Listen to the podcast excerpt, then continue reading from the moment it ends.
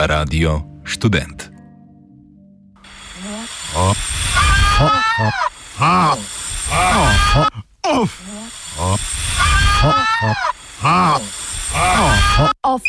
Side. Lijepi lisu Mostarski univerziteti. Drage kolegice in kolegi, sporočam, da bomo v nekaj trenutkih pričeli s predavanji, ki letos zaradi očitnih razlogov ne bodo potekala v živo, temveč na spletu. Upam, da ste vsi uplačali 380 evrov šolnine za prvi semester, se vas bomo drugače vrgli ven iz predavanja. Ja? Tako, začenjamo s politologijo jugovzhodne Evrope, Zahodnega Balkana, naših prostorov, regiona in nekdanje SFR Jugoslavije. Že v 19. stoletju.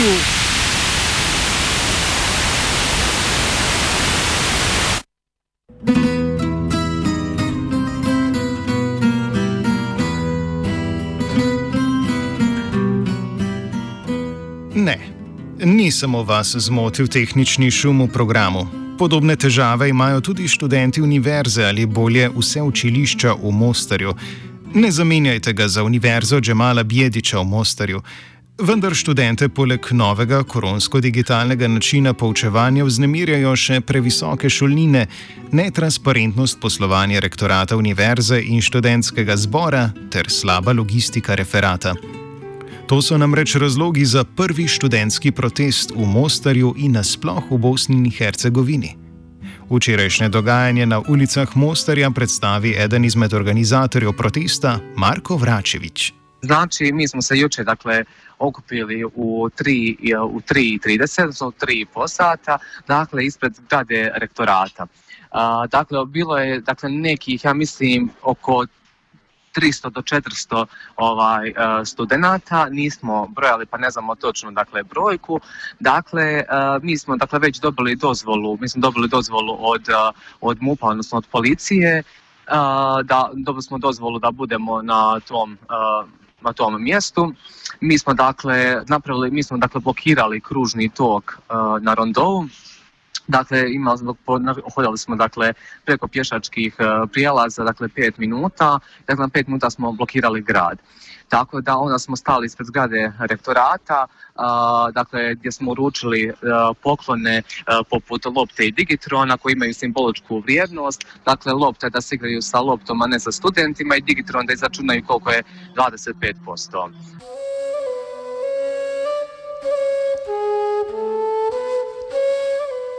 Zahteve po transparentnosti rektorata in študentskega zbora so zim zelene. Čaš je torej dno izbil ukrep proti širjenju epidemije. Dva dni pred začetkom študijskega leta je univerza svojim študentom sporočila, da bo pouk potekal prek spleta, nadaljuje Vračevič. Zato što, je, zato što se online nastava nije pokazala a, funkcionalna, uopće se nije pokazala funkcionalna, zato što imamo profesore koji ne znaju upaliti laptop, i dakle samim tim se nastava i ne održava. Tako da naša ta online nastava zapravo je dakle, pokriće za njihov nerad i nemar, Dakle, ne može se držati, reći, drži se online nastava i studenti dođu na online nastavu, međutim profesora nema jer ne zna da upali laptop.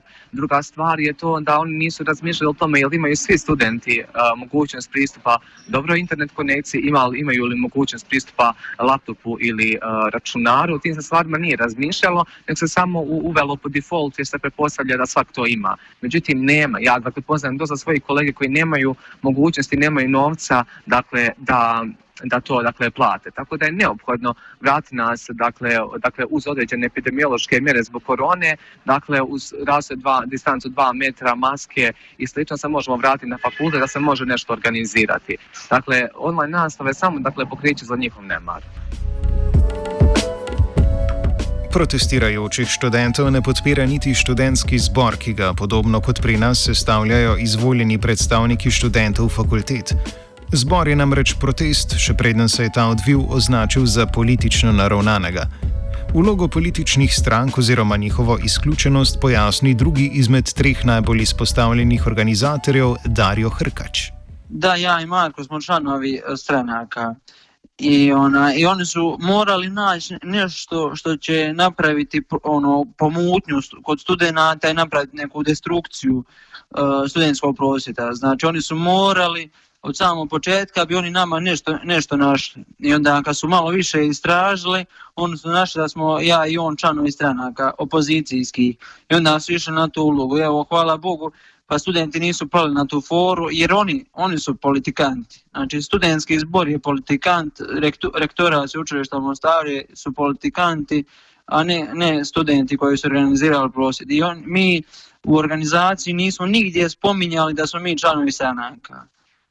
I onda, ali oni su to znači istražili, mi to nigdje nismo spominjali. I onda su oni to istražili, napravili medijsku priču od toga, što nama i, i išlo u korist što se toga tiče i samog prosvjeda, oni su mogli jednostavno ono, zaobići tu temu, ono, nisu oni, obični su studenti, i nema to nikakve veze, nego oni su htjeli napraviti medijsku priču da, da ne dođu studenti, da, da se napravi problem kod da se nas i otjera od organizacije i onda samo su nama nekakav promičbeni program napravili što se nas tiče. Nama, mi, kažem vam, ponovo, mi nismo nigdje spominjali da smo mi u, ono, u bilo kojoj stranci. I sad to su pokušaj destrukcije prosvjeda, ali evo, hvala Bogu i nije im uspio nešto.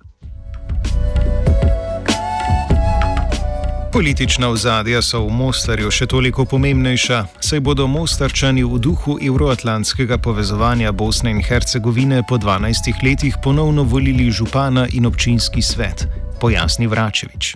U Mostaru su, dakle, nakon 12 godina, Mostarci i Mostarki imaju lokalne izbore. Na, ovim, na tim lokalnim izborima sam ja kandidat, na listi sam za, za, za gradskog vijećnika i dakle oni su to dakle stavili su to kao dakle nek, nek, neku primarnu uh, metu da o tome pričaju, međutim tu nema dakle te uopće nikakve veze s tim. Dakle ja sam na lokalnim izborima, ali moja politička kampanja ovaj, i moje, moje, moje političko ovaj, djelovanje nema veze uopće s ovim prosvjedima. Medtem ko študentski zbor ob študentskih protestih pozornost posveča političnim ozadjem, protestniki opozarjajo na dolgoletne spornosti in morebitne nezakonitosti v delovanju zbora. Marko Vračevič. Studentski zbor je zapravo također, također isti je problem kao i kod vas u Ljubljani. Dakle, ovdje se isto postavljaju izuzetni dobri kadrovi naših političkih stranaka koji netransparentno troše studentski novac na neke tamo večere, dakle na neke tamo izlete i putovanja Dakle, oni imaju svoj troškovnik koji nije transparentan, zato što nije u redu napisati 2000 plus maraka, zato što a, se treba dakle, navesti svaka marka gdje se ona troši iz razloga, a, iz tog razloga jer studenti svake godine oplaćuju dakle, iznos za studentski zbor. A, dakle, u studentskom zboru imamo postavljanje tih političkih kadrova i onda kada im se neko suprostavi, pronađu se uvrijeđeni i predstavljaju stvari izvan konteksta. Dakle, kada se pojavi neka osoba koja ima dovoljno hrabrosti uprijeti prstom dakle, u ono što ne funkcionira u gradu, odnosno napose ovdje na, na sveučilištu, zapravo biva problem. Zašto? Zato što se dira u nosivi stup njihovih političkih stranaka. Tako da ja iskreno nemam ovaj problem s njima, ovaj, na osobnoj razini, ali dakle mislim da se dira u njihovu, dakle, tu, njihovu tu političku podobnost, očito su se prepoznali pa im to smeta. Ob odsotnosti podpore študentskega zbora pa protestnikom ne uspeva niti vzpostavljanje komunikacije z rektoratom univerze. Podobno tudi aktualno politična redakcija Radia Student ni uspela spregovoriti s študentskim zborom. Od rektorata pa smo dobili le pisni odgovor, da, citiramo, Vse učilišče v Mostarju ne daje uradnih izjav o včerajšnjih protestih, v upanju, da se bo kdaj pokazal interes za vse učilišče v pozitivnem kontekstu, srčen pozdrav iz Mostarja. Konec citata. Nadaljuje Hrkač. Pred teden in pol sem poslal študentskom zboru, da reagira. To što su nam online nastav uveli samo dva dana prije početka, znači svi smo mi organizirali život u Mostaru, oni nama dva dana samo prije početka javi da će biti online i poslali smo studentskom zboru i oni su ono samo što se kaže sinali poruku i ništa ono doviđenja. I isto tako nam je rektorat sveučilišta u Mostaru mi smo im poslali mail i oni samo šute, ima tri dana ne odgovaraju na mailove I ono, misle da ćemo mi stati s ovim, bar on tako misle. Čeprav protestniki niso našli institucionalne podpore, pa naj bi jih podpirala širša mostarska in študentska javnost. Imamo podporu i drugog vel, velikog uh, univerziteta u Mostaru. Uh, imamo potporu također, pot, uh, potporu također kolega iz Sarajeva, barem su nam se javljali preko i čak i iz Zagreba i iz Splita. Ono, pojedinačno nam se javljaju svaka čast kolege i ono, potporu nam daju preko društvenih mreža. I neke su kolege sa drugog univerziteta u Mostaru dolaze čak i, došle čak i na prosvjed i bile s nam. Organizatorja protesta zagotavljata, da bodo, če univerza ne bo izpolnila vseh njihovih zahtev, miren protest izvedli ponovno čez deset dni. Vračevič opozarja, da gre za štiri spremembe, za katere ni treba izgubljati časa.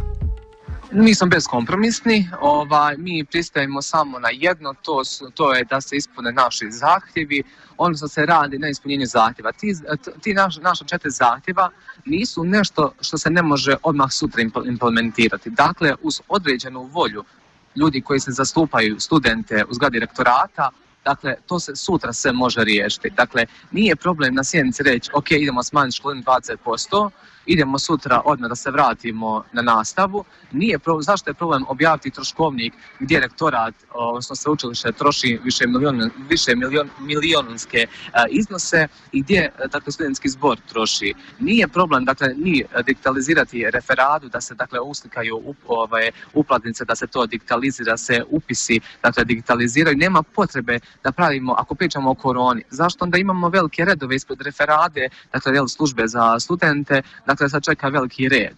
Onda hajmo digitalizirati, ako ćemo se baš digitalizirati, tamo se u potpunosti ne digitalizirati. Međutim, oni to ne rade. Da bi se dakle, oni spriječili te mjere, dakle korone, onda hajmo nemoj da pravimo ovaj kolonu od 15 metara ispred, ispred referade, nego hajmo to sve digitalizirati, dakle pre, sve preko kompjutera se upišemo i slično.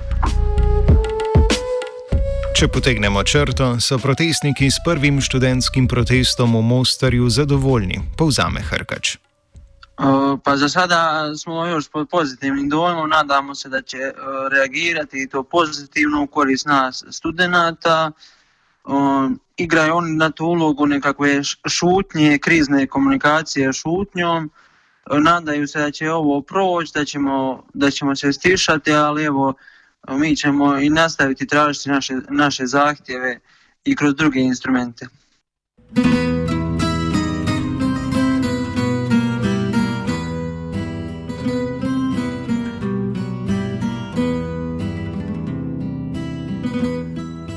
Hercegovko sa neretve, študentica moja mala, za fakultet mogja rana, da li bi ti platila?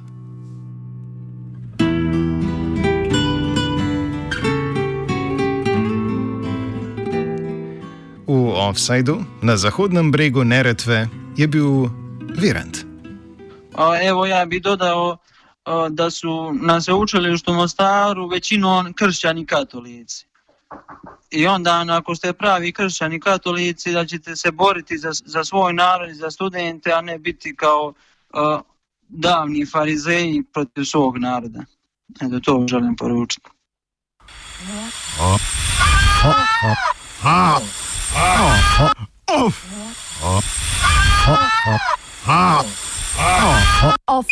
Side.